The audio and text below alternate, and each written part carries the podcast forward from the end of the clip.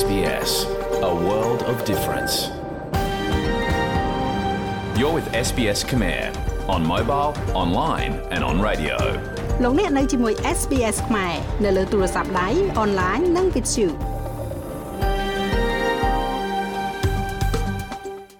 យើងខ្ញុំសូមទទួលស្គាល់ទំនៀមទម្លាប់ប្រពៃណីទឹកដីដែលយើងកំពុងតែផ្សាយចេញពីថ្ងៃនេះ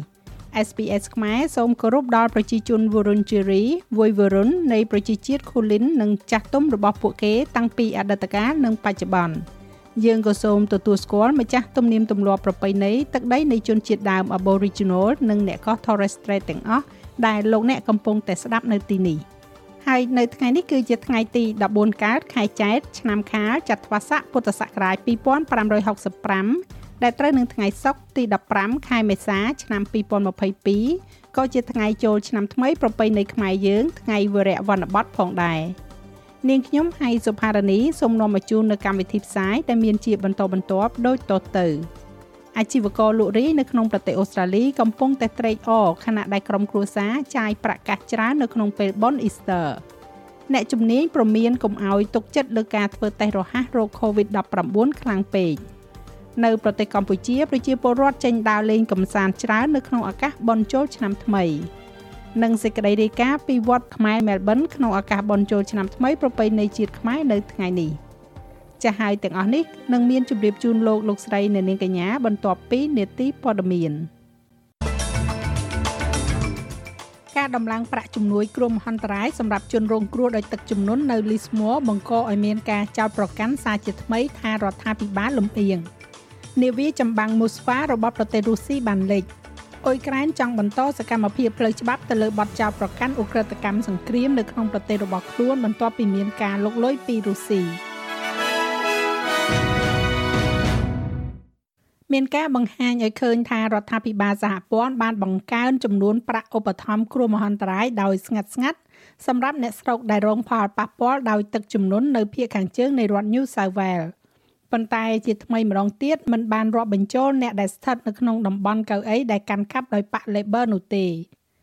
កាសែត The Guardian បានរាយការណ៍ថាមានការបន្ថែមទឹកប្រាក់ចំនួន350ដុល្លារក្នុងមួយសប្តាហ៍ពីលើប្រាក់ជំនួយ642.70សេនក្នុងពីរសប្តាហ៍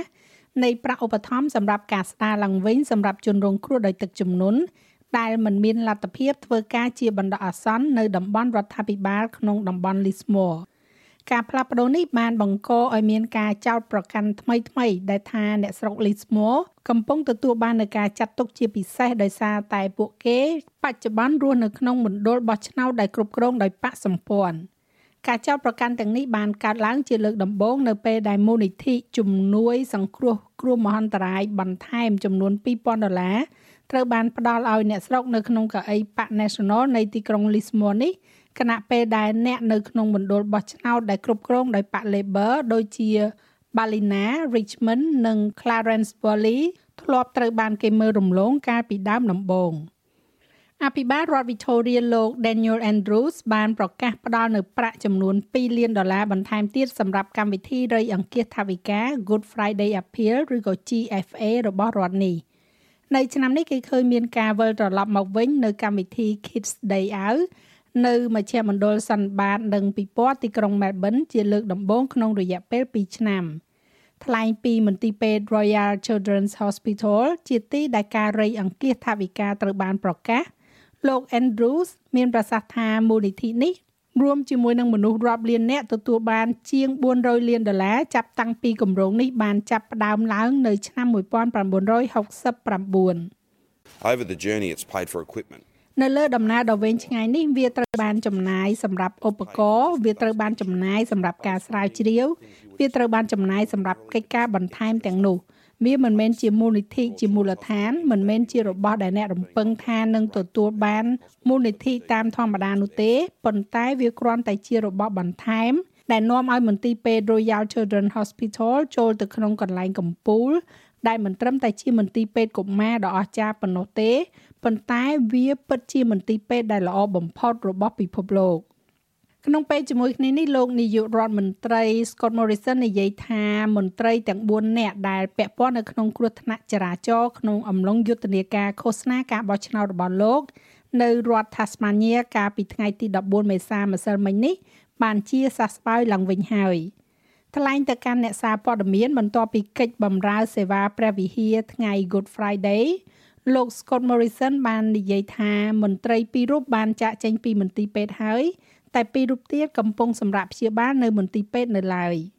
។ been able to send messages to them and I know that they ខ្ញុំបានផ្ញើសារទៅពួកគេហើយខ្ញុំដឹងថាពួកគេរីករាយខ្ញុំសង្ឃឹមថានឹងអាចនិយាយជាមួយនឹងពួកគេផ្ទាល់នៅថ្ងៃនេះ ហើយអ្នកដឹងទេយើងកំពុងតែទន្ទឹងរង់ចាំឲ្យពួកគេជាសះស្បើយឡើងវិញប៉ុន្តែពួកគេមិនអីនោះទេហើយពួកគេកំពុងតែទទួលបាននូវការគ្រប់គ្រងយ៉ាងខ្លាំងជាពិសេសទទួលបាននូវការគ្រប់គ្រងដ៏អស្ចារ្យមួយកាលពីយប់មិញនៅទីនោះនៅឯមន្ទីរពេទ្យ Launceston General Hospital លោក Morrison និយាយថាឧបទ្ទវហេតុនេះគឺជាការដាស់តឿនក្រោនរំលឹកមួយដល់ប្រជាជនឲ្យរក្សាសុវត្ថិភាពនៅលើផ្លូវថ្នល់ក្នុងឱកាសពិធីបុណ្យ Easter នេះ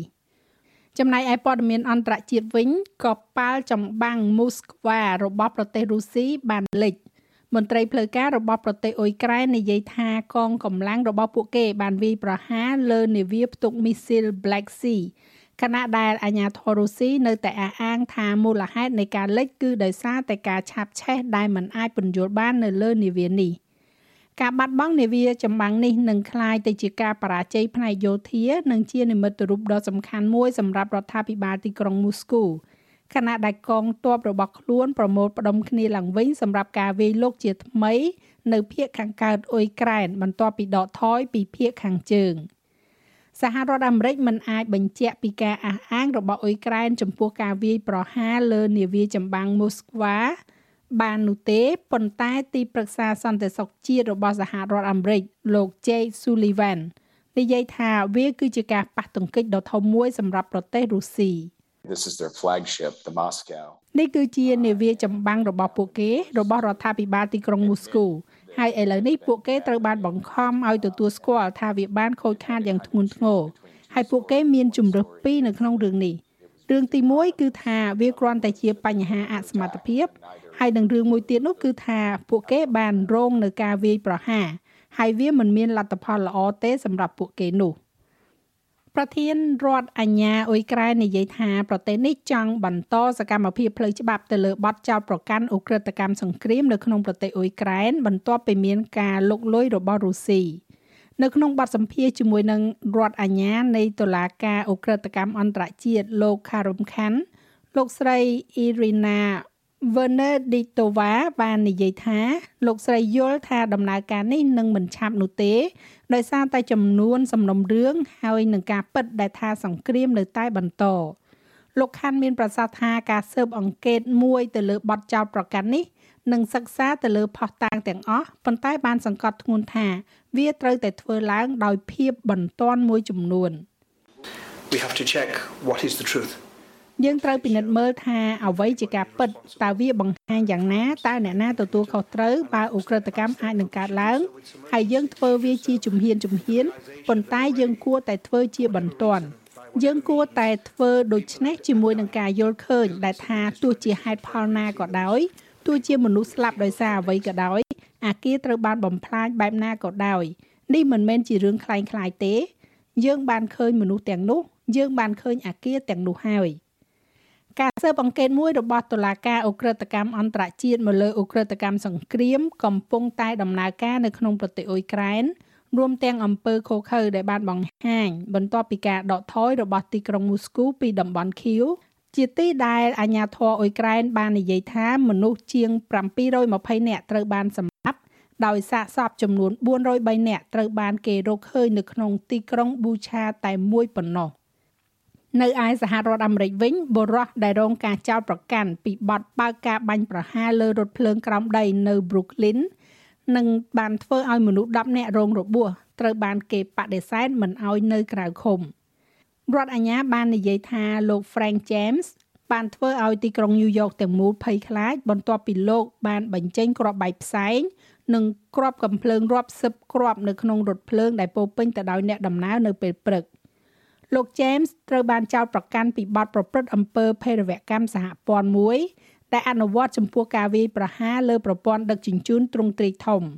ប៉ុន្តែអាញាធរនិយាយថាបច្ចុប្បន្ននៅមិនមានផុសតាងណាមួយដែលភ្ជាប់រូបលោកទៅនឹងអង្គការភេរវកម្មនោះទេ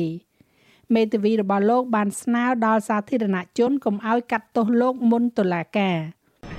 We are all still learning about what happened on that train. យើងទាំងអស់គ្នាកំពុងសិក្សាអំពីអ្វីដែលបានកើតឡើងនៅលើរថភ្លើងនោះហើយយើងប្រុងប្រយ័ត្នប្រឆាំងទៅនឹងការប្រញាប់ប្រញាល់នៅក្នុងការវិនិច្ឆ័យ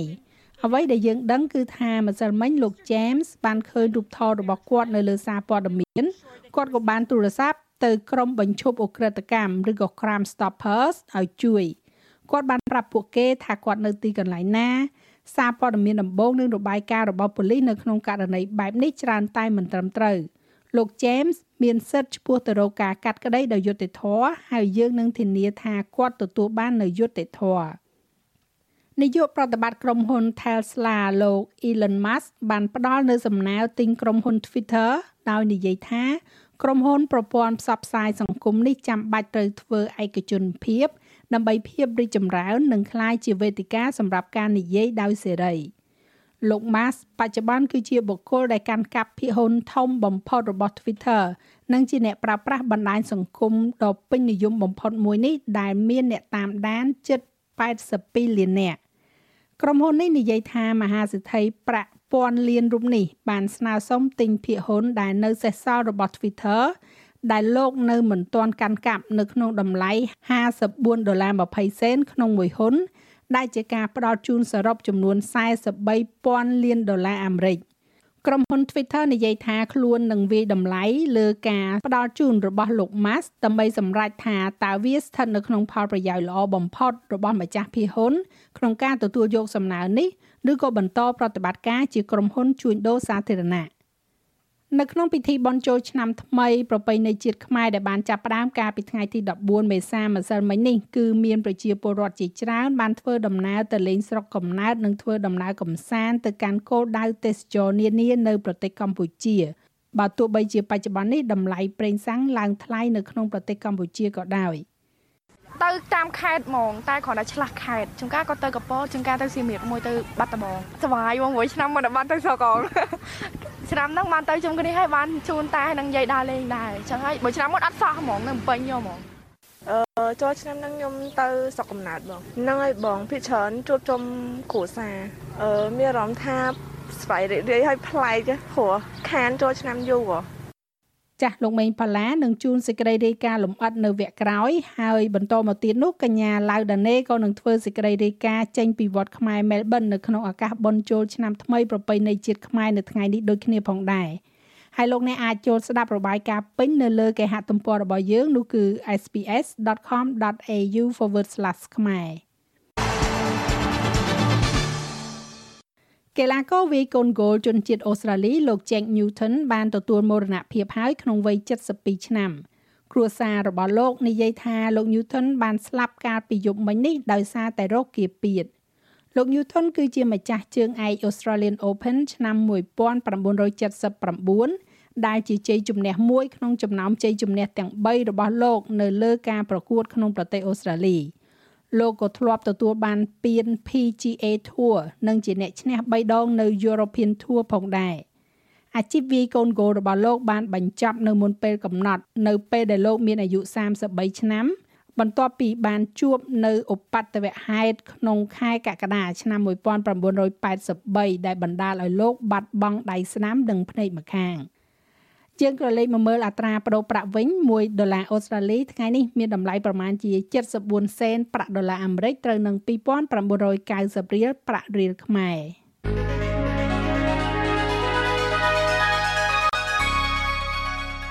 ជាបន្តទៅនេះសូមជូនការព្យាករណ៍អាកាសធាតុសម្រាប់ថ្ងៃសៅរ៍ស្អែកនេះ នៅទីក្រុងផឺតបើកថ្ងៃល្អ26អង្សា នៅអាដាលេដបើកថ្ងៃដូចគ្នាដែរ30អង្សា ភាគច្រើនបើកថ្ងៃនៅមែលប៊ន26អង្សា នៅហូបាត មានពពក20អង្សាភាគច្រើនបើកថ្ងៃនៅ Canberra 23អង្សា ដូចគ្នានៅ Sydney 24អង្សា មានពពកដោយពេលនៅ Brisbane 26អង្សា មានពពកដូចគ្នាដែរនៅទីក្រុង Cairns 30អង្សា នៅទីក្រុង Darwin មានរលឹមបន្តិចបន្តួចអាចនឹងមានព្យុះ34អង្សា34អង្សា ទីក្រុងភ្នំពេញ មានផ្គររន្ទះ33អង្សា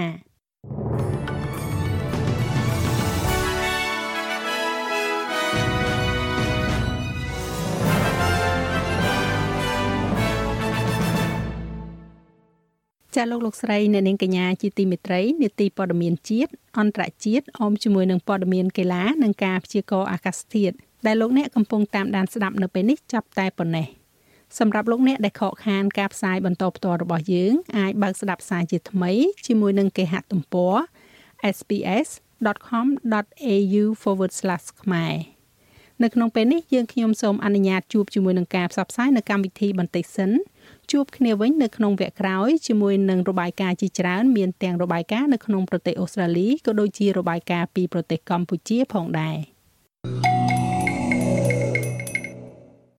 ចាសសូមស្វាគមន៍មកកាន់កម្មវិធីផ្សាយជាបន្តទៀតរបស់ SBS ខ្មែរសម្រាប់ការផ្សាយនៅថ្ងៃសុក្រទី15ខែមេសាឆ្នាំ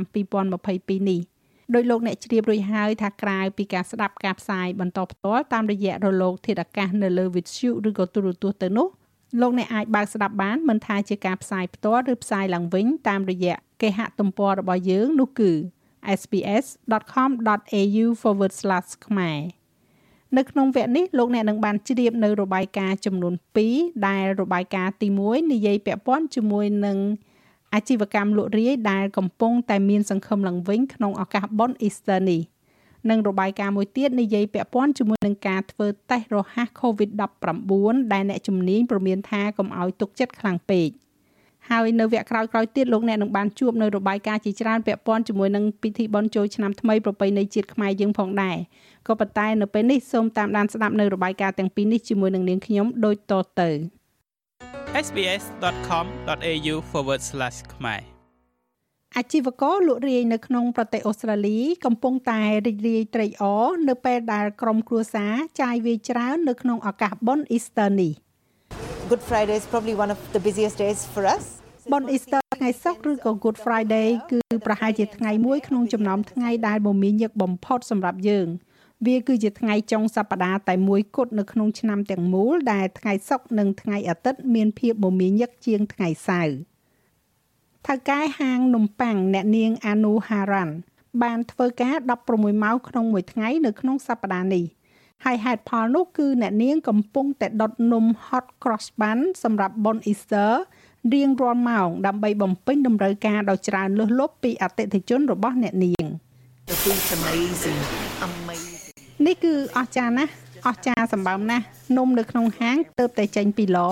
ហើយខ្ញុំចូលចិត្តអ្វីអ្វីគ្រប់យ៉ាងដែលធ្វើនៅទីនេះវាគឺជាបុណ្យ Easter ដំបូងគេដែលគ្មានការរឹតបន្តឹងរោគរាតត្បាតសម្រាប់អ្នកដុតនំវ័យ36ឆ្នាំរូបនេះអ្នកនាង Haran បានបដូរអាជីពពីផ្នែកទីផ្សារដើម្បីមកប្រកបអាជីវកម្មហាងនំប៉័ង Flower Shop របស់អ្នកនាង នៅ Turamura នៅទីក្រុង Sydney កាលពី2ឆ្នាំមុន We started like 9 pm of the previous day យើងចាប់ផ្ដើមនៅម៉ោង9យប់មុនមួយថ្ងៃដើម្បីលុញម្សៅព្រោះថាយើងដុតនំ hot cross bun ចេញមកក្តៅក្តៅរាល់ម៉ោងហើយយើងមានការកំងទុកជាមុនកាលពីម្សិលមិញប្រហែលជា1500នំថ្ងៃនេះ1200នំហើយស្អែកប្រមាណជា1500នំអ្នកនាង Haran បានធ្វើអន្តោប្រវេសន៍ពីប្រទេសឥណ្ឌាមករស់នៅក្នុងប្រទេសអូស្ត្រាលីក្នុងឆ្នាំ2017 អ្នកនាងនិយាយថាការស្រឡាញ់ចូលចិត្តគ្រឿងទេសឥណ្ឌារបស់អ្នកនាង អាចជាអាកំបាំងឆ្ពោះទៅរកភាពជោគជ័យរបស់អ្នកនាង So it's soaked in chai spices វាត្រូវបានត្រាំនៅក្នុងគ្រឿងទេសដូច្នេះហើយគ្រាន់តែផ្លែឈើនឹងវាមានរសជាតិរបស់វាទៅហើយវាដូចជាផ្លែឈើនៅក្នុងនំទុនទុនហើយតើអ្នកចង់បានអ្វីទៀត glass របស់យើងក៏មានគ្រឿងទេសដែរអាប់កូត្រូវបានកាត់បន្ថយខ្លះជាមួយនឹងគ្រឿងពណ៌ទឹកក្រូចវាពិតជាពិសេសណាស់ អ្នកនាង Haran ស្ថិតនៅក្នុងចំណោមអ្នកលក់រាយរបស់ប្រទេសអូស្ត្រាលីចំនួន135,000នាក់ដែលធូរទ្រូងជាខ្លាំងនៅក្នុងឱកាសបុណ្យ Easter នេះសមាគមអ្នកលក់រាយអូស្ត្រាលីរំពឹងថាការលក់នឹងកើនឡើង នៅពេលដែលក្រុមគ្រួសារអូស្ត្រាលីជួបជុំគ្នានិងអបអរជាមួយនឹងការទទួលទានអាហារនិងការជូនអំណោយនាយកប្រតិបត្តិសមាគមនេះលោក Paul Zara ពន្យល់បន្ថែម We're expecting this to be a, a rip roar of យើងរំពឹងថានេះនឹងក្លាយជាពេលវេលាដ៏រំភើបសម្រាប់ការរកស៊ីជួញដូរបន Easter នេះយើងរំពឹងថាប្រជាជនអូស្ត្រាលីនឹងចំណាយប្រាក់ប្រហែលជា1500លានដុល្លារទៅលើម្ហូបអាហារដែលភាគច្រើនជាស្ករសូកូឡានិងនំដុត hot cross bun ព្រោះវាជាឱកាសដំបូងសម្រាប់ក្រុមគ្រួសារភាគច្រើននៅក្នុងការជួបជុំគ្នា ចាប់តាំងពីមានโรគរាតត្បាតចាប់ផ្ដើមមក សមាគមអ្នកលក់រាយនេះព្យាករណ៍ថាប្រជាជនអូស្ត្រាលីនឹងទទួលទានស្ករសូកូឡា5គីឡូក្រាមម្នាក់នៅពេលបុណ្យ Easter នេះដោយអ្នករស់នៅក្នុងរដ្ឋ New South Wales គឺជាអ្នកដែលចំណាយច្រើនជាងគេសរុបមកអាចរកចំណូលបាន500លានដុល្លារឬក៏104ដុល្លារក្នុងមនុស្សម្នាក់ទាំងអស់នេះគឺជាដំណឹងល្អសម្រាប់លោក Paul Adam ដែលជាសហម្ចាស់ក្រុមហ៊ុនដោយ Plessy Pralin ចំនួនទី2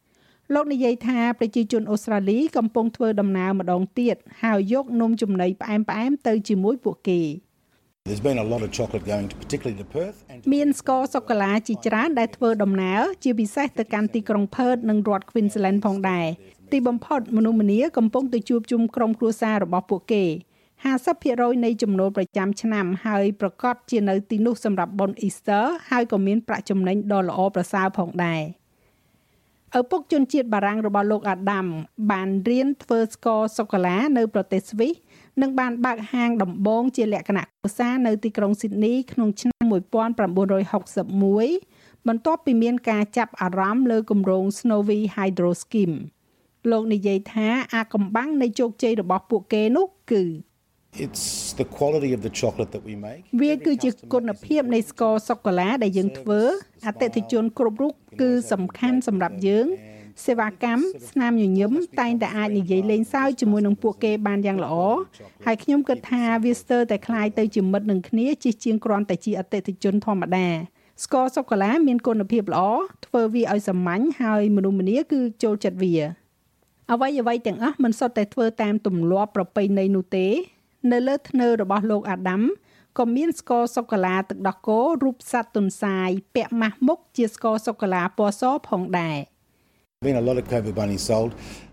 ស្កររូបទុនសាយ COVID លក់ដាច់ច្រើនណាស់ខ្ញុំគិតថាឆ្នាំនេះមានភ្ញៀវជាច្រើនសួរថាតើពួកគេនៅអាចទិញវាបានទៀតឬអត់ខ្ញុំគិតថាវាប្រហែលជាដាច់ខ្លាំងបន្តិចហើយប៉ុន្តែតាមមើលទៅពួកគេនៅតែចង់បានវា ជាមួយនឹងការចំណាយដែលរំពឹងថានឹងបន្តទៅសប្តាហ៍ក្រោយម្ចាស់ហាងនំប៉័ងអ្នកនាងអានូហារ៉ាន់និយាយថាវាមិនមែនត្រឹមតែក្រុមគ្រួសារប៉ុណ្ណោះទេដែលប្រារព្ធពិធីនេះ។វាគឺជាថ្ងៃបុណ្យ Easter ដ៏រីករាយសម្រាប់អ្នកលក់រាយទូទាំងប្រទេសហើយការប្រថុយប្រឋានរបស់អ្នកនាងដែលបើកអាជីវកម្មនេះនៅក្នុងអំឡុងពេល COVID នោះទទួលបាននៅផលតបស្នងមកវិញហើយ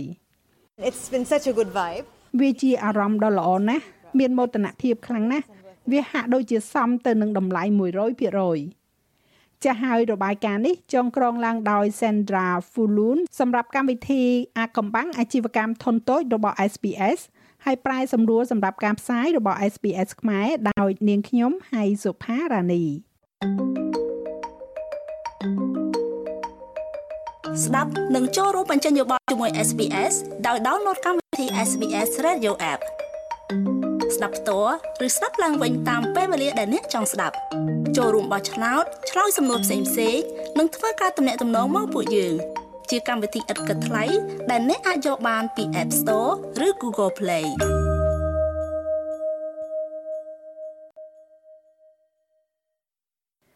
មានការព្រួយបារម្ភថាការធ្វើតេស្តអង្គទីហ្សែនរហ័សឬហៅថា RAT មិនបានត្រឹមត្រូវ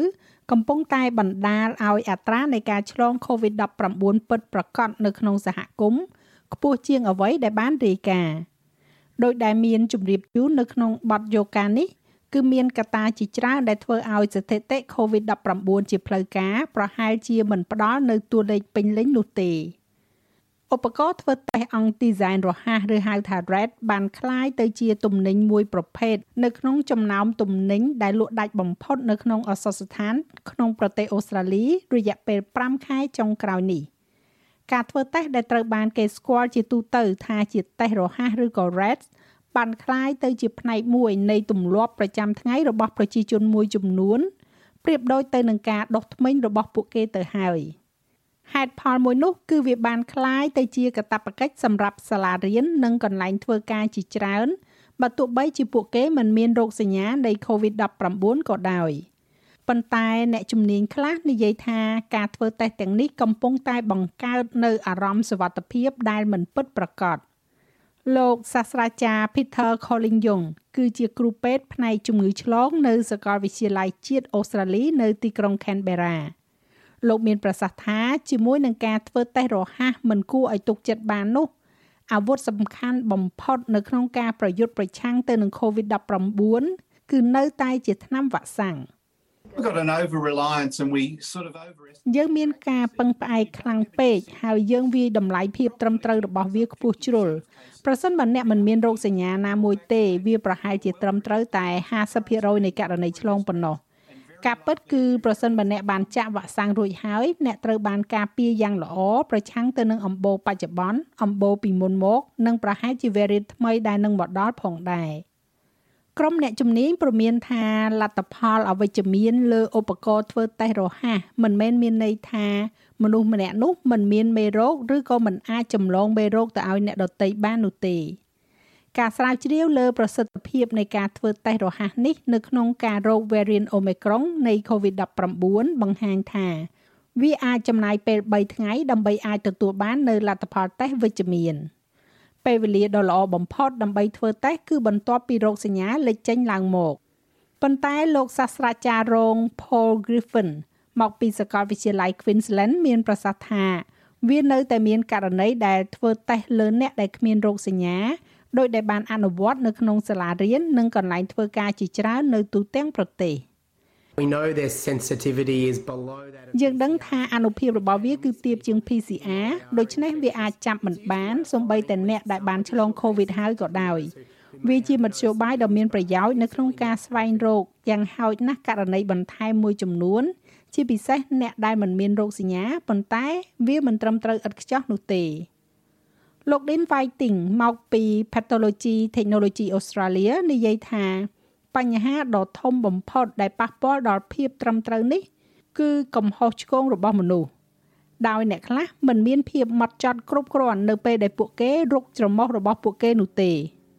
It should be slightly uncomfortable. It should make you វាគួរតែរកឲ្យទាល់តែអ្នកមានអារម្មណ៍ថាមិនសូវស្រណុកបន្តិច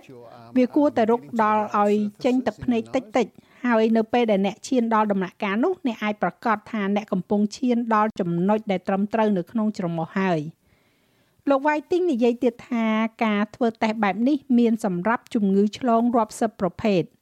ហើយក្រុមអ្នកជំនាញសុខភាពនិយាយថាឥឡូវនេះការផ្ដោតអារម្មណ៍ត្រូវតែងាកទៅរកជំងឺគ្រុនផ្ដាសាយវិញដោយត្រូវការឲ្យមានឧបករណ៍ស្រដៀងគ្នានេះដើម្បីរកមើលនិងតាមដានការឆ្លងរាលដាលនៃជំងឺគ្រុនផ្ដាសាយធំ influenza នៅពេលដែលរដូវផ្ដាសាយខិតជិតមកដល់នៅមានករណី COVID-19 ថ្មីរាប់ម៉ឺនករណីត្រូវបានកត់ត្រានៅទូទាំងប្រទេសអូស្ត្រាលីជារៀងរាល់ថ្ងៃដែលភាគច្រើននៃករណីទាំងនោះស្ថិតនៅក្នុងរដ្ឋ New South Wales បន្ទាប់មកគឺរដ្ឋ Victoria និងរដ្ឋ Queensland ចាស់ហើយរបាយការណ៍នេះចងក្រងឡើងដោយ Sanil Awasthi Abidinham សម្រាប់ SBS News ហើយប្រែសម្រួលសម្រាប់ការផ្សាយរបស់ SBS ខ្មែរដោយនាងខ្ញុំហៃសុផារ៉ានីចុច like share comment និង follow SBS ខ្មែរនៅលើ Facebook ការចេះនិងនិយាយភាសាអង់គ្លេសអាចជួយឲ្យជីវិតរបស់អ្នកប្រសើរឡើងនៅក្នុងប្រទេសអូស្ត្រាលី SBS មាន podcast ថ្មីដែលជួយដល់អ្នកសិក្សាបង្ជួយដល់អ្នកសិក្សាបង្កើនចំណេះដឹងភាសាអង់គ្លេសរបស់ពួកគេ SBS Learn English Podcast ផ្ដោតសំខាន់ទៅលើសកម្មភាពរស់នៅប្រចាំថ្ងៃនៅក្នុងប្រទេសអូស្ត្រាលី និងពន្យល់ពីពាក្យពេចន៍និងការសន្ទនាជាភាសាអង់គ្លេសនៅក្នុងភាគទី9របស់យើង អ្នកអាចរៀនពីការសន្ទនាដោយទំនុកចិត្តអំពីការបោះឆ្នោតនៅក្នុងប្រទេសអូស្ត្រាលីស្ដាប់ និងឆ្លើយសំណួររបស់យើងដើម្បីធ្វើតេស្តជំនាញភាសាអង់គ្លេសរបស់អ្នកស្វែងរកបាននៅលើ sps.com.au/learnenglish តាមរយៈ SPS Radio App ឬនៅកន្លែងណាដែលអ្នកអាចស្ដាប់ podcast របស់អ្នកបានលោកអ្នកនៅជាមួយ SBS ខ្មែរចាលោកលោកស្រីអ្នកនាងកញ្ញាជាទីមេត្រី របាយការណ៍ទាំងនេះមានជូននៅលើគេហទំព័ររបស់យើងនោះគឺ sbs.com.au/ ខ្មែរនៅក្នុងវគ្គក្រោយលោកអ្នកនឹងបានស្ដាប់នៅរបាយការណ៍ពីប្រទេសកម្ពុជាជាមួយនឹងលោកមេងផល្លាដែលនឹងជួនសេចក្តីរាយការណ៍ពាក់ព័ន្ធជាមួយនឹងពិធីបុណ្យចូលឆ្នាំថ្មីនៅក្នុងប្រទេសកម្ពុជាដែលឃើញមានប្រជាពលរដ្ឋចេញដើរកម្សាន្តច្រើនហើយបន្ទាប់មកទៀតនោះ កញ្ញាឡៅដាណេនឹងជួនសេចក្តីរាយការណ៍ពិសេសចេញពីវត្តពុទ្ធរាំងសីមែលប៊នស្ដីអំពីការរៀបចំកម្មវិធីបុណ្យចូលឆ្នាំថ្មីប្រពៃណីជាតិខ្មែរយើង នៅក្នុងប្រទេសអូស្ត្រាលីផ្ទាល់តែម្ដង។ចាស់ដូច្នេះសូមតាមដានស្ដាប់នៅរបាយការណ៍ទាំងអស់នេះជាមួយនឹងនាងខ្ញុំនៅក្នុងវគ្គក្រោយៗជាបន្តទៀតតែនៅពេលនេះយើងខ្ញុំសូមអនុញ្ញាតជួបជាមួយនឹងការផ្សព្វផ្សាយនៅកម្មវិធីបន្តិចសិន ចាស់លោកលោកស្រីអ្នកនាងកញ្ញាជាទីមេត្រីសូមស្វាគមន៍មកកាន់កម្មវិធីផ្សាយជាបន្តទៀតរបស់ SPS ខ្មែរដែលធ្វើការផ្សាយបន្តផ្ទាល់នៅរៀងរាល់ថ្ងៃពុធនិងថ្ងៃសុក្រវេលាម៉ោង3ដល់ម៉ោង4រសៀលម៉ោងស្តង់ដារអូស្ត្រាលីខាងកើតតាមរលកកម្ពស់1107ប៉ុស AM សម្រាប់អ្នករស់នៅទីក្រុង Sydney និង1224ប៉ុស AM សម្រាប់អ្នករស់នៅទីក្រុង Melbourne ឬក៏នៅលើ Vitshu ឬទូរទស្សន៍ Digital ប៉ុស SBS Radio 1នៅក្នុងវគ្គនេះលោកលោកស្រីនៅនាងកញ្ញានឹងជួបជាមួយនឹងលោកមេងផល្លាដែលធ្វើសេចក្តីរាយការណ៍ពីទីក្រុងភ្នំពេញដូចតទៅ។ខ្ញុំបាទមេងផល្លាមានសេចក្តីរីកានិយម2បនចូលឆ្នាំថ្មីប្រពៃណីជាតិខ្មែរប្រជាពលរដ្ឋដើរលេងកំសាន្តច្រើន និងសេចក្តីរីកាមួយទៀតនិយម2កងកម្លាំងនគរបាលចរាចរណ៍ជាង3000នាក់ចេញអន្តរាគមន៍នៅថ្ងៃបុណ្យចូលឆ្នាំ ជាដំបូងខ្ញុំបាទមានសេចក្តីរីកានិយម2បុណ្យចូលឆ្នាំថ្មីប្រពៃណីជាតិប្រជាពលរដ្ឋដើរលេងច្រើន។ក្នុងពិធីបុណ្យចូលឆ្នាំថ្មីប្រពៃណីជាតិខ្មែរដែលបានចាប់ផ្ដើមកាលពីថ្ងៃទី14ខែមេសាម្សិលមិញមានប្រជាពលរដ្ឋជាច្រើន បានធ្វើដំណើរទៅលេងស្រុកកំណើតនិងធ្វើដំណើរកម្សាន្តទៅកាន់គោលដៅទេសចរនានានៅកម្ពុជាបើទោះបីជាបច្ចុប្បន្នតម្លៃប្រេងសាំងឡើងថ្លៃក៏ដោយ កំណើនអ្នកធ្វើដំណើរនិងភ្ញៀវទេសចរដើរកំសាន្តច្រើននាឱកាសបុណ្យចូលឆ្នាំថ្មីប្រពៃណីជាតិនេះគឺបន្ទាប់ពីបុណ្យចូលឆ្នាំប្រពៃណីខ្មែរត្រូវបានផ្អាកអស់រយៈពេល2ឆ្នាំដោយសារតែការរីករាលដាលនៃជំងឺ Covid-19 ទៅតាមខេត្តហ្មងតែគ្រាន់តែឆ្លាស់ខេត្តចំការក៏ទៅកពតចំការទៅសៀមរាបមួយទៅបាត់ដំបងស្វាយមកមួយឆ្នាំមិនបានទៅសកលឆ្នាំហ្នឹងបានទៅជុំគ្នាហើយបានជូនតែនឹងយាយដើរលេងដែរអញ្ចឹងហើយមួយឆ្នាំមុនអត់សោះហ្មងនៅពេញយកហ្មង អឺចូលឆ្នាំហ្នឹងខ្ញុំទៅស្រុកកំណើតបងហ្នឹងហើយបងភិកច្រើនជួបជុំគ្រួសារអឺមានអារម្មណ៍ថាស្វ័យរីករាយឲ្យប្លែកព្រោះខានចូលឆ្នាំយូរពេលចូលឆ្នាំចូលចំគ្រួសារហើយនំគ្នាញ៉ាំអីជុំគ្នាហើយដើរលេងដើរលេងតាមខេត្តហ៎បងព្រោះខានខានចូលឆ្នាំយូរហើយ សូមបញ្ជាក់ថាក្នុងឱកាសបុណ្យចូលឆ្នាំថ្មីប្រពៃណីជាតិនេះរាជរដ្ឋាភិបាលបានលើកទឹកចិត្តនិងអនុញ្ញាតឲ្យរៀបចំពិធីបុណ្យចូលឆ្នាំដោយការជួបជុំនិងរៀបចំជាព្រឹត្តិការណ៍សង្ក្រាន្តឬក៏កម្មវិធីប្រពៃណីនៅតាមបណ្ដារាជធានីខេត្តទាំងអស់ទូទាំងប្រទេសក្នុងនោះនៅរាជធានីភ្នំពេញបានរៀបចំសង្ក្រាន្តវត្តភ្នំហើយនៅខេត្តសៀមរាបឆ្នាំនេះរៀបចំសង្ក្រាន្តសៀមរាបដោយធ្វើឡើងនៅតាមបណ្ដោយមាត់ស្ទឹងសៀមរាប នៅថ្ងៃទី1នៃពិធីបុណ្យចូលឆ្នាំ គឺមានអ្នកចូលរួមលេងកម្សាន្តច្រើន នៅតាមរាជធានីខេត្តដែលរៀបចំព្រឹត្តិការណ៍សង្ក្រាន្តក៏ដូចជានៅតាមរមណីយដ្ឋាននានាក្នុងអំឡុងពេលបុណ្យចូលឆ្នាំប្រពៃណីជាខ្មែរ3ថ្ងៃគឺនៅថ្ងៃទី14ថ្ងៃទី15និងថ្ងៃទី16ខែមេសានេះនៅតាមបណ្ដារាជធានីខេត្តជាពិសេសនៅតាមវត្តក៏មានកម្មវិធីជួបជុំលេងលំហែងប្រជាប្រិយដូចជាទាញព្រាត់ បោះអង្គុញវាយក្អមចៅឈូងលាក់កន្សែងដណ្ដើមស្លឹកឈើរួមទាំងការប្រគំតន្ត្រីបុរាណខ្មែរនិងរាំកំសាន្តផងដែរយក sbs.com.au/ ខ្មែរជាគេហទំព័របើកចូលដំបងរបស់អ្នកនៅលើអនឡាញអ្នកនឹងទទួលបានព័ត៌មានចុងក្រោយបទយកការចូលរួមបោះឆ្នោតមតិផ្សេងផ្សេងឬតាក់ទងមកកម្មវិធីរបស់យើង sbs.com.au/ ខ្មែរ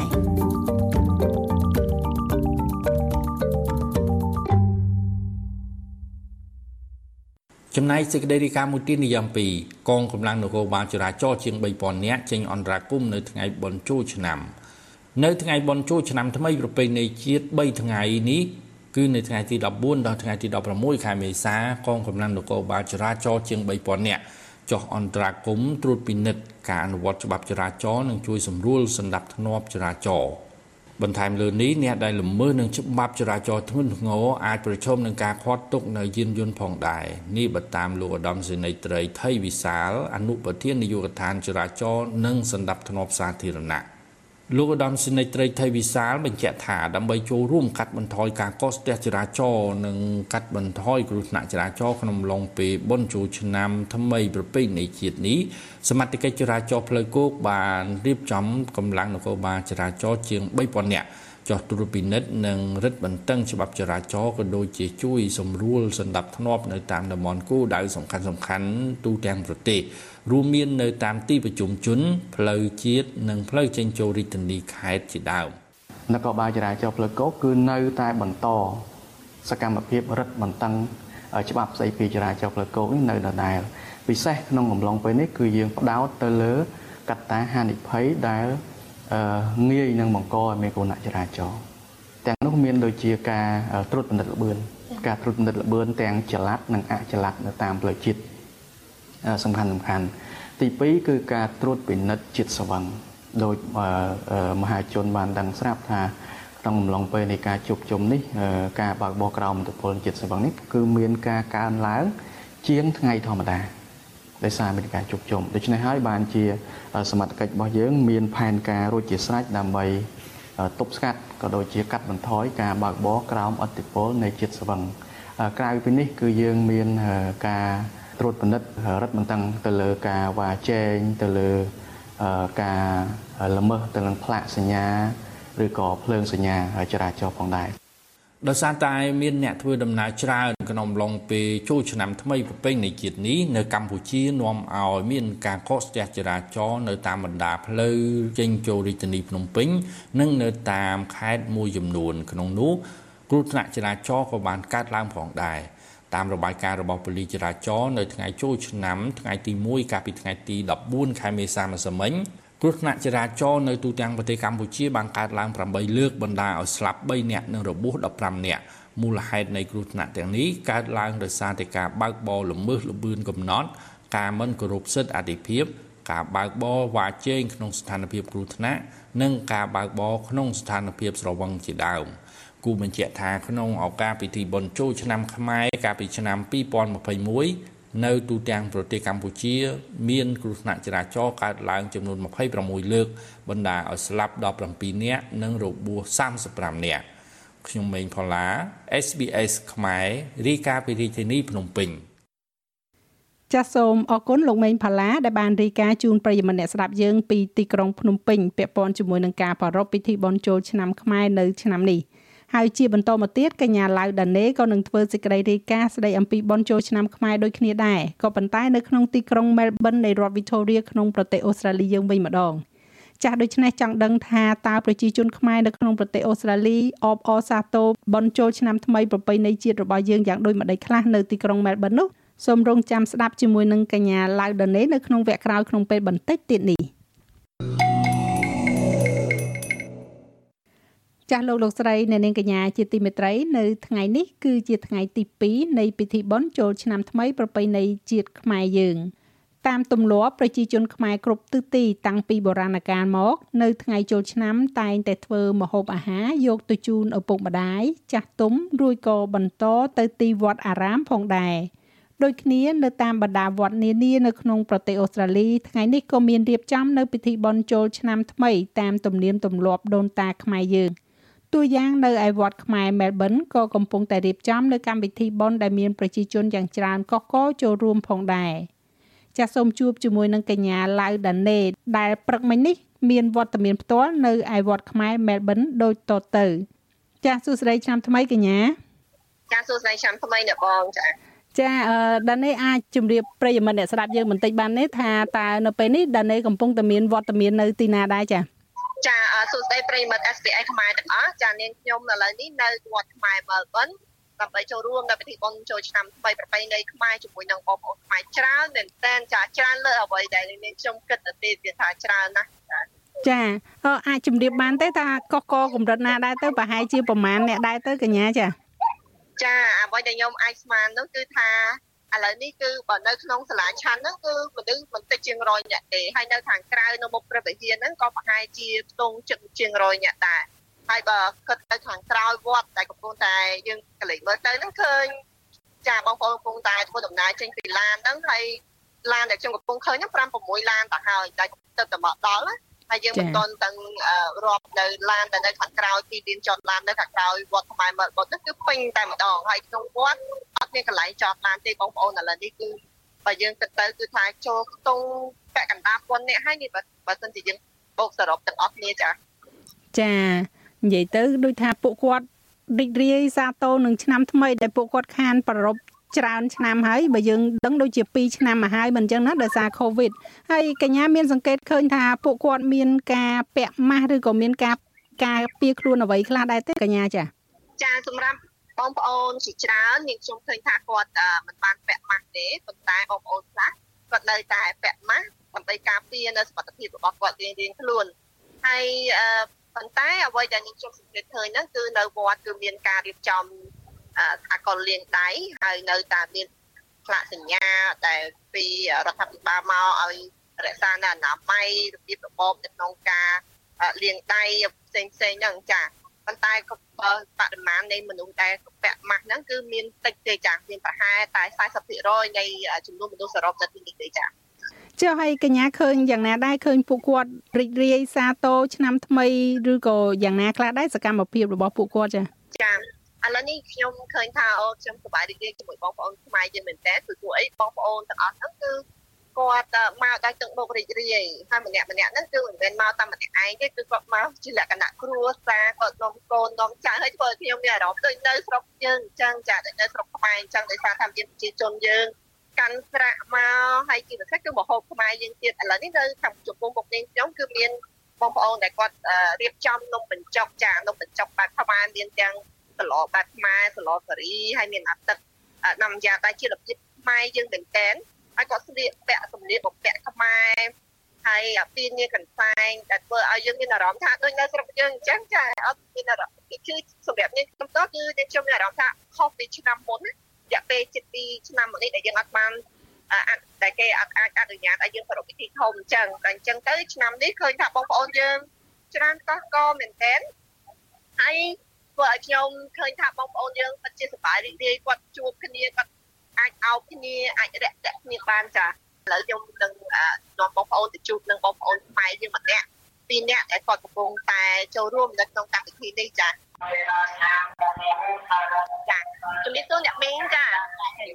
អ្នកមីងជាមួយអីដែរអ្នកមីងចាអូអ្នកមីង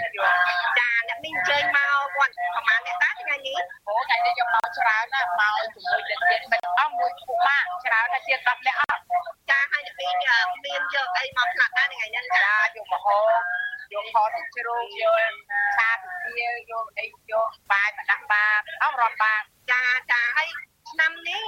ជាឆ្នាំមានមនុស្សច្រើនណាស់អ្នកមីងឃើញប្រាប់ឲ្យបន្តហើយអ្នកមីងមានអារម្មណ៍មិនដែរពេលតែឃើញបងប្អូនខ្មែរយើងមកច្រើនអញ្ចឹងចាចាសប្បាយចិត្តព្រោះឆ្នាំនេះដូចជាកូវីដក៏សូនស្បើយហើយយើងបានជួបជុំគ្នាបន្ទាប់ពី lockdown មក2ឆ្នាំហើយចាចាសម្រាប់សម្រាប់អ្នកមីងនៅពេលដែលមនុស្សច្រើនអញ្ចឹងអ្នកមីងមានការព្រួយបារម្ភខ្លាចឆ្លងកូវីដដែរទេចា ដូចជាអត់អីទេព្រោះយើងចាក់ថ្នាំវ៉ាក់ស៊ីនទាំងអស់គ្នាហើយចាចាហើយចាស់ចំពោះការធ្វើអនាម័យផ្ទាល់ខ្លួនវិញអ្នកពីដើម្បីបង្ការតើអ្នកពីនៅធ្វើបែបណាខ្លះដែរចានៅពាក់ម៉ាស់នៅលាងដៃចាចាហើយសម្រាប់ថ្ងៃនេះដែរអ្នកពីតើអ្នកពីនឹងនៅធ្វើអ្វី ទៀតទៅបន្ទាប់ពីចាឥឡូវយើងអត់ទាន់រាប់បានទេអ្នកពីបានរាប់បានហើយនៅចាចារាប់ហើយរាប់ហើយចាអញ្ចឹងចាអ្នកពីមានអ្វីដែរចង់ផ្ដាំផ្ញើទៅបងប្អូនយើងទេនៅក្នុងពេលកូវីដនឹងអញ្ចឹងអត់ក្នុងពេលកូនចូលឆ្នាំហើយកូវីដវាអត់ទាន់ទៅឆ្ងាយយើងទេចាពីចាសូមឲ្យបងប្អូនជើញមកគាត់ទាំងអស់គ្នាព្រោះយើងពាក់ម៉ាស់ឲ្យការពាររៀងខ្លួនចាចាចាចាសូមអរគុណអ្នកមីងចាសូមចាចា ជំរាបសួរមីងជំរាបសួរចាអ្នកមីងឈ្មោះអ្វីដែរចាសូមឈ្មោះអ្នកមីងអរខ្ញុំឈ្មោះស៊ីឡាចាអ្នកមីងថ្ងៃនេះអញ្ជើញមកម៉ាអ្នកដែរអ្នកមីងអូចាខ្ញុំមកថ្ងៃនេះចាហើយអ្នកមីងមានយកមកហូបអាហារអីខ្លះដែរនៅថ្ងៃនេះចាចាមានមកហូបអាហារតិចតួចដែរយកមកថ្វាយព្រះសង្ឃចាចាហើយចាអ្នកមីងឆ្នាំនេះតើអ្នកមីងសង្កេតឃើញមានអ្វីដែលខុសប្លែកពីឆ្នាំមុនទេចា ឆ្នាំនេះគឺថាគឺមានមនុស្សមកច្រើនជាពិសេសបន្ទាប់ពីការ COVID នេះមកគឺថាឥឡូវនេះគេបើកហើយហើយជាពិសេសថ្ងៃនេះគឺជាថ្ងៃចូលឆ្នាំផងក៏មានមនុស្សយើងមកកកហើយពុទ្ធបរិស័ទយើងព្រមទាំងញាតិញោមទីទាំងអស់ដែលគាត់បានជួយមកគឺថាមានការសប្បាយច្រើនជាងឆ្នាំមុនពីព្រោះឆ្នាំនេះពេលការ COVID គឺថាវត្តយើងគឺมันមានកម្មវិធីអីដែលថាធំដុំពេកទេចា ទៅទីសបាយមែនចាខ្ញុំបានឃើញទស្សនវិជ្ជាអញ្ចឹងមែនណាអ្នកមីងចាហើយចង់សួរអ្នកមីងដែរចំណាប់អារម្មណ៍អ្នកមីងផ្ទាល់នៅពេលដែលឃើញអញ្ចឹងណាអ្នកមីងតើអ្នកមីងមានក្តីព្រួយបារម្ភខ្លះអត់ដោយសារមនុស្សច្រើនពេកអញ្ចឹងតើតូនជំងឺ Covid ណាអ្នកមីងចាធម្មតាទេតែមនុស្សមកច្រើនយើងត្រូវតែមានការព្រួយបារម្ភ ដូច្នេះគឺអ្នកដែលត្រូវមកវត្តនេះក៏យើងត្រូវការពារទៅជុំតែយើងពាក់ម៉ាស់ពាក់អីទៅពីព្រោះជាពិសេសនៅពេលនេះគឺជាបុណ្យចូលឆ្នាំជាតិរបស់យើងផងទៅតែយើងមកទៅដើម្បីឲ្យបានជួបជុំគ្នាក្នុងការសប្បាយចាហើយម្យ៉ាងទៀតយើងក៏បំពេញអឺទៅថាតែចូលឆ្នាំរបស់យើងចាំខ្មែរប្របីនៃរបស់យើងនឹងក៏មិនតែយើងមកគឺថាយើងត្រូវតែថាជាពិសេសគឺយើងត្រូវតែអា ការពារពាក់ម៉ាស់ពាក់អីហើយយើងទៅឆ្ងាយឆ្ងាយពីគ្នាទៅបើយើងអាចធ្វើបានចាចាអរគុណអ្នកមីងមែនតែនចាដែលបានចូលរួមនៅទស្សនវិជ្ជាជាមួយ SBS ខ្មែរសូមជូនពរឲ្យអ្នកមីងបានសុខភាពល្អចាឆ្នាំថ្មីនេះចាចាប្រិមត្តអ្នកស្ដាប់ទាំងអស់គ្នាឥឡូវនេះយើងមកជួបជាមួយនឹងលោកវងកំពតដែលជាអ្នកចូលរួមពិធីបុណ្យចូលឆ្នាំនៅក្នុងនេះនៅក្នុងវត្តខ្មែរមើលបិទនេះហើយក៏ជាជាចាស់សមត្ថភាពគណៈកម្មការម្នាក់ដែរចា ពីទូលោកគ្រូចាហើយលោកគ្រូថ្ងៃនេះអញ្ជើញមកពីបនចូលឆ្នាំខ្មែរហ្នឹងមកតាំងពីពេលណាដែរថ្ងៃហ្នឹងចាអឺបាទខ្ញុំមកមកហើយហើយឃើញប្រព័ន្ធសាប់បាត់ទៅជួយច្រើននៅក្នុងពីបនចូលឆ្នាំខ្មែរនេះដោយសារតែថ្ងៃនេះអឺជាថ្ងៃ Easter នៅប្រទេសអូស្ត្រាលីផងហើយក៏ជាថ្ងៃដែលចំនឹងចូលឆ្នាំពីនេះខ្មែរចាហើយលោកគ្រូសង្កេតឃើញថាឆ្នាំនេះខុសពីឆ្នាំមុនយ៉ាងម៉េចដែរចាអឺអឺមែនតើទៅជារៀងរាល់ឆ្នាំគឺពុកបរិស័ទបងប្អូននេះគាត់ជើញ មកច្រើនគ្រប់ឆ្នាំតែម្ដងក្នុងការគ្រប់ទោះបីជាគាត់នៅឆ្ងាយពីប្រទេសខ្មែរយើងក៏ដោយប៉ុន្តែដោយសារតែទឹកពលិតដល់ប្រទេសកណ្ដាលហើយជាបបពួររបស់ខ្លួនជាជំនាញដល់បងប្អូនដូច្នេះគាត់តែងតែមុខជួបជុំគ្នានៅរៀងរាល់ពីបុណ្យចូលឆ្នាំខ្មែរចាហើយចំពោះលោកគ្រូផ្ទាល់តាមទៅពេលដែលឃើញបងប្អូនខ្មែរយើងមកច្រើនអញ្ចឹងតាមមានទឹកនឹកឃើញដល់ពិធីបុណ្យចូលឆ្នាំបែបណាដែរនៅស្រុកយើងឬក៏អារម្មណ៍បែបណាដែរចាបាទខ្ញុំពិតជាសប្បាយរីករាយមែនទែននៅពេលដែលឃើញបងប្អូន ខ្មែរជាពិសេសយើងបាទដល់ទីនេះយើងឆ្ងាយពីប្រទេសរបស់យើងដែរប៉ុន្តែយើងក្នុងនាមជាខ្មែរជាជាជួរតែមួយហើយយើងមានប្រវត្តិដូនតារបស់យើងបានបន្សល់ទុកនៅពិធីបុណ្យដ៏ល្អល្អនេះជាពិសេសគឺពិធីបុណ្យចូលឆ្នាំខ្មែរនេះគឺខ្ញុំពិតជាសប្បាយណាស់ហើយយើងបានប្រពៃពីមួយចំនួនពិធីលេងបាញ់ជាប្រៃខ្លះមួយចំនួនដើម្បីនឹករលឹកដល់ពុកបរោះខ្មែរយើងផងដែរចាចាខ្ញុំសូមអរគុណលោកគ្រូច្រើនចាចាជាបន្តទៅទៀតនេះ យើងមកជួបជាមួយនឹងគណៈកម្មការវត្តចាតើអ្វីដែលខុសប្លែកយ៉ាងណាទៅយើងមកជួបជាមួយនឹងគាត់ទាំងអស់គ្នាចាជំរាបសួរបងចាបងឈ្មោះអីដែរបងបាទខ្ញុំជួបសិនពិសែចាបងគឺជាគណៈកម្មការរៀបចំពីបងចូលឆ្នាំខ្មែរនៅវត្តខ្មែរបើថ្ងៃនេះណាបងណាបាទបាទចាអត់ដល់ថ្ងៃនេះតាមអ្វីដែលសង្កេតរបស់បងរៀងរាល់ឆ្នាំតើឆ្នាំនេះមានអ្វីខុសប្លែកពីឆ្នាំមុនដែរចាបាទមានខុសប្លែកឆ្នាំមុនឆ្នាំមុនយើងអឺដោយការកូវីដផងមិនទៅមានគេជំនួយការតែឆ្នាំនេះគឺមុនការកកគឺស្តាតតាំងពីថ្ងៃពុធមកមកអូចារហូតដល់ថ្ងៃនេះមនុស្សច្រើនកកកមែនតើចា ចា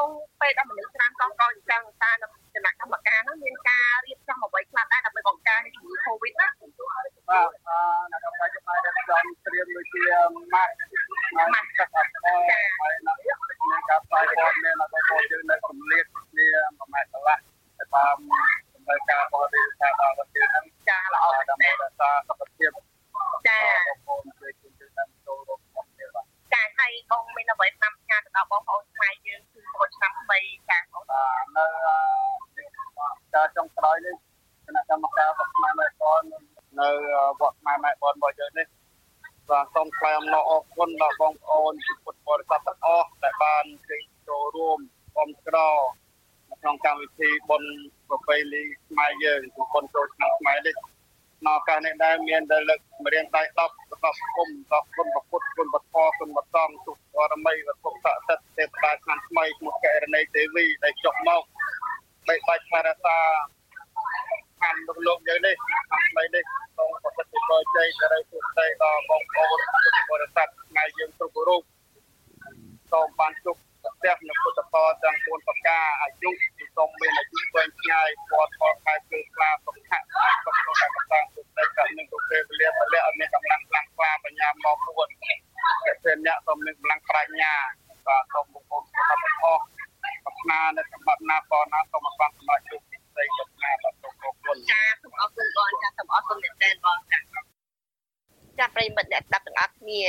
សកម្មភាពនៅ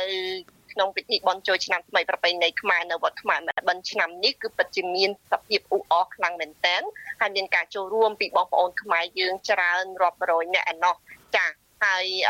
ទៅតាអ្នកគ្រប់គ្នាដែលមកចូលរួមនៅក្នុងឆ្នាំនេះតែងតែនិយាយថាឆ្នាំនេះពិតជាប្លែកពីឆ្នាំមុនណាស់ដោយសារសភាពនៃជំងឺ Covid បានថមថយតែទោះបីជាយ៉ាងណាក៏ដោយយើងឃើញថាបងប្អូនប្រជាពលរដ្ឋខ្មែរយើងនៅតែប្រកាន់ខ្ជាប់នៅការធ្វើអនាម័យ ហើយក៏រក្សានៅសុខភាពរៀងរៀងខ្លួនដោយការគោរពតាមច្បាប់របស់រដ្ឋាភិបាលអូស្ត្រាលីនេះផងដែរចា៎ឆ្នាំនេះគ្នាខ្ញុំឡៅដានេសូមជូនពរឲ្យបងប្អូនទាំងអស់គ្នាជួបប្រកបតែនឹងសុខសុវត្ថិភាពសូមអរគុណសូមជម្រាបលាចាសូមអរគុណច្រើនកញ្ញាឡៅដានេដែលបានរាយការណ៍ពីវត្តខ្មែរ Melbourne នៅរដ្ឋ Victoria ប្រទេសអូស្ត្រាលីនេះផ្ទាល់តែម្ដងរីករាយឆ្នាំថ្មីទាំងអស់គ្នាចាសូមអរគុណចាសូមអរគុណសហគមន៍លោកអ្នកភាសាសន្ទនារបស់លោកអ្នក SPS ខ្មែរចាលោកលោកស្រីនៅនាងកញ្ញាជាបន្តទៅទៀតនេះសូមជូននៅដំណឹងដែលយើងទទួលបានពីសហគមន៍ខ្មែររស់នៅក្នុងប្រទេសអូស្ត្រាលីក្រុមជំនុំគ្រឹះបរិស័ទខ្មែរនៅ Campbelltown មានកម្មវិធីព្រះយេស៊ូវគ្រីស្ទសុគតហើយមានប្រជជនរស់ឡើងវិញ ដែលនឹងរៀបចំនៅថ្ងៃអាទិត្យទី17ខែបេសាឆ្នាំ2022វេលាម៉ោង10ដល់ម៉ោង12ថ្ងៃត្រង់នៅ End of King Street Campbelltown New South Wales in Country Women's Association Branch Room ហើយខាងក្រុមជំនុំក៏មានការថ្វាយបង្គំព្រះរាល់ថ្ងៃអាទិត្យពេលព្រឹកផងដែរពីម៉ោង10ដល់ម៉ោង12ថ្ងៃត្រង់សម្រាប់ព័ត៌មានបន្ថែមសូមតាក់ទងទៅអ្នកស្រីអ៊ីគៀងលុយដែលមានទូរស័ព្ទលេខ04 66 43 90 68 ការដំឡើងប្រាក់ជំនួយគ្រោះមហន្តរាយសម្រាប់ជនរងគ្រោះដោយទឹកជំនន់នៅ Lismore បង្កឲ្យមានការចោទប្រកាន់សារជាថ្មីថារដ្ឋាភិបាលលំអៀងនាវាចម្បាំងមូស្វារបស់ប្រទេសរុស្ស៊ីបានលេចអ៊ុយក្រែនចង់បន្តសកម្មភាពផ្លូវច្បាប់ទៅលើបទចោទប្រកាន់ឧក្រិដ្ឋកម្មសង្គ្រាមនៅក្នុងប្រទេសរបស់ខ្លួនបន្ទាប់ពីមានការលុកលុយពីរុស្ស៊ី។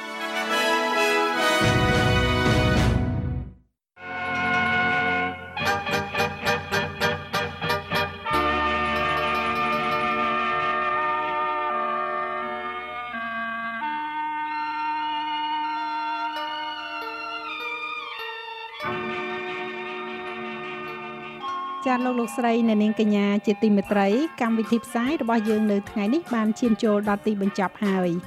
ឆ្លៀតនៅក្នុងឱកាសបុណ្យចូលឆ្នាំថ្មីប្រពៃណីជាតិខ្មែរនេះនាងខ្ញុំនិងសហការីរបស់ Vithu SBS ខ្មែរជាថ្មីម្ដងទៀតសូមគោរពជូនពរដល់ប្រិយមិត្តអ្នកស្ដាប់ទាំងអស់ដែលតែងតែគ្រប់គ្រងយើងខ្ញុំមិនថាតែលោកអ្នកកំពុងតែស្ដាប់ការផ្សាយបន្តផ្ទាល់តាមរយៈរលកធារកាសនៅលើ Vithu ឬក៏ទូរទស្សន៍ឬក៏ស្ដាប់នៅលើគេហទំព័រ sps.com.au/ ខ្មែរឬក៏នៅលើកម្មវិធី SBS Radio App ក៏ដូចជាប្រិយមិត្តដែលគាំទ្រយើងនៅតាមបណ្ដាញសង្គម Facebook របស់ SBS ខ្មែរទាំងអស់សូមឲ្យជួបប្រទះតែនឹងពុទ្ធពរទាំង4ប្រការគឺអាយុវណ្ណៈសុខៈពលៈកំបីគ្លៀងឃ្លាតឡើយរីករាយឆ្នាំថ្មី and happy Easter